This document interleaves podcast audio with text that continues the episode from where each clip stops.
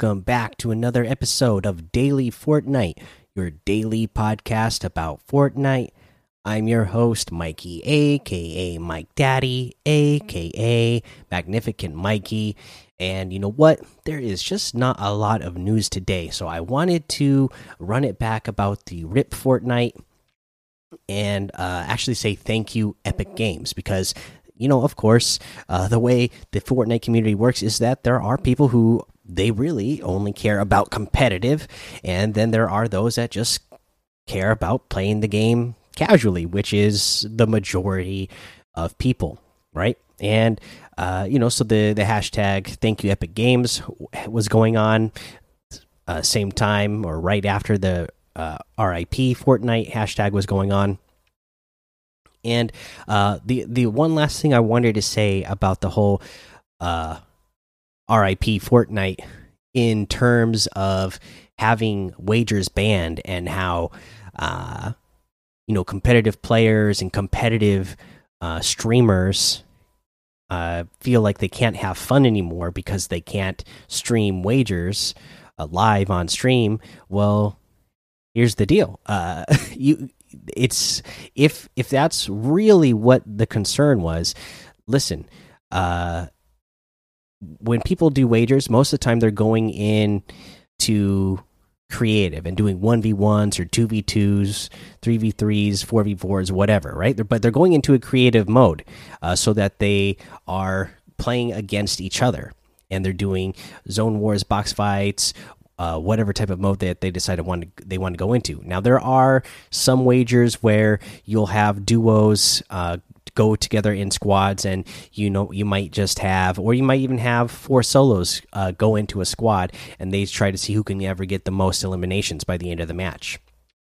That's another thing, another way people can wager, but especially when it uh, is concerned with the idea of, uh, you know, uh, people placing wagers and doing 1v1s or uh, you know just going into a creative mode and uh, facing off against each other you can do that without uh, quote wagering aka betting aka illegally gambling Uh, especially done when done by minors, uh, you could still go into those game modes and play those same exact game modes uh, without placing bets and without, uh, you know, doing it live on stream for everybody to see and uh, influencing uh, other minors to illegally gamble on the game. So that's again my, my final thoughts on the on the situation. Uh, just uh, again something that should easily be understood that uh, is being taken out of context or.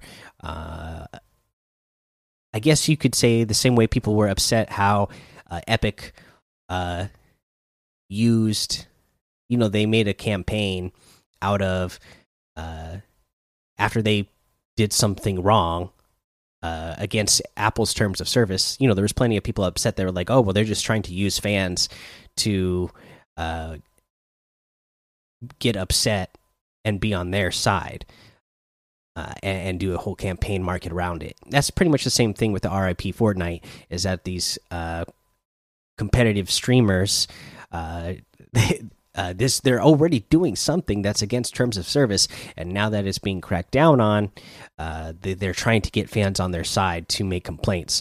Um, didn't really work. It's not going to work because again, uh, when you have a big company that is in multiple states, uh, multiple countries, uh, where it's illegal to gamble you're just not going to get those type of things changed and you're not going to get a company to uh, endorse that and uh, yeah okay so uh, really that's all we really have for news today so let's go ahead take a look at what we have in the ltms oh you know what? I just remembered i played some rocket league today uh, and of course i always love playing some rocket league and uh, i completed all of the challenges that you have to do to get all of the Fortnite rewards. So I got that Battle Ball spray. I ended up getting, you know, that Turbo Ball back bling, which is really cool. Uh, you have the uh, Llama Rama loading screen. I really like this zooming wrap. Uh, that's a really cool wrap. Uh, you also end up getting the Everybody Dance uh, lobby music, and then you also get the banner icon uh, that is like the primal version of this season, right? So yeah, really cool. Uh, and I had a ton of fun playing Rocket League again. Uh, so don't forget to go do those challenges. You'll you'll get them done within uh, three or four matches. So uh, it should be pretty easy to do. Uh, let's see here. Now let's look at the LTMs that we have today. Zero Crisis Finale is still here for a couple of days. The Laura uh, Croft Mystery at Croft Manor is here as well. Uh, 2x Zone Wars is communication.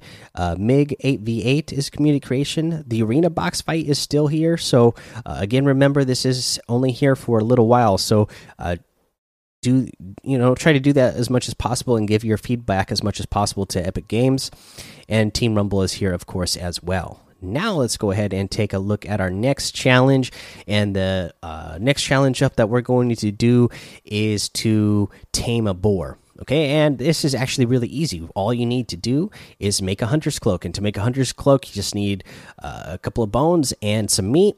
Craft them together. Now you got this hunter's cloak.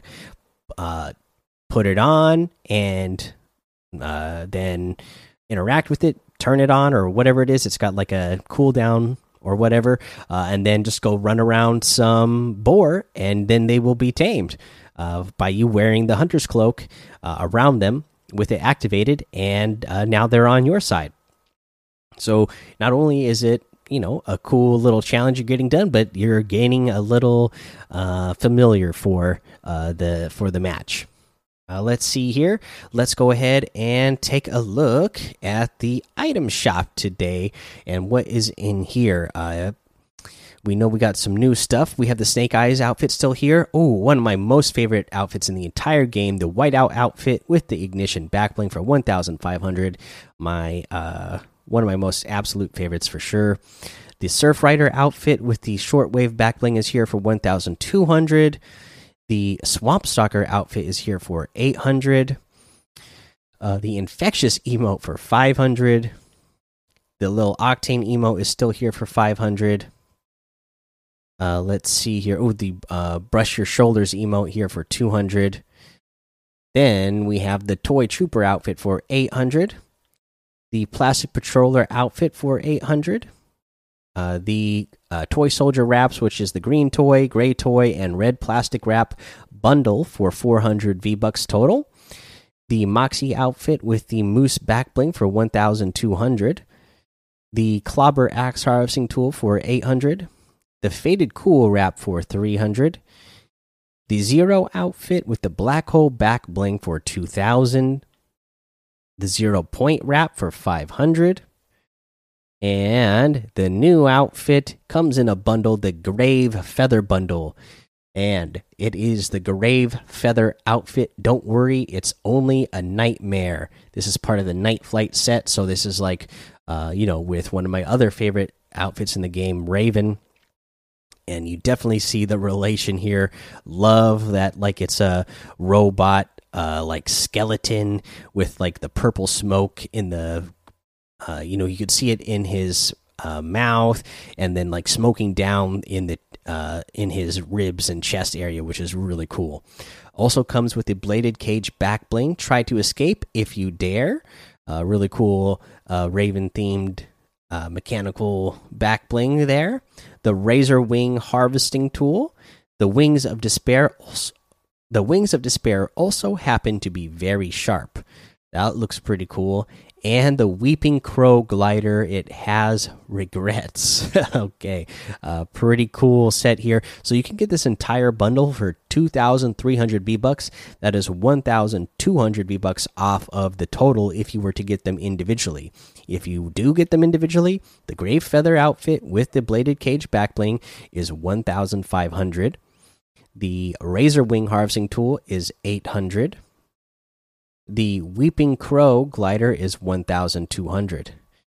And that looks like everything today, so you can get any and all of these items using code MikeDaddy, M M M I K E D A D D Y, in the item shop, and some of the proceeds will go to help support the show. Okay, so here's my next tip of the day, and uh, this is if you go talk to certain NPCs, you can actually uh, have yourself disguised as a prop. And uh, I know there's a lot of people this season who have been having a hard time getting a win in the Discord. Uh, and I myself uh, only recently got my first couple of solo wins. Uh, it, it's hard to get a solo win out there this season. Uh, it seems like everybody's really good.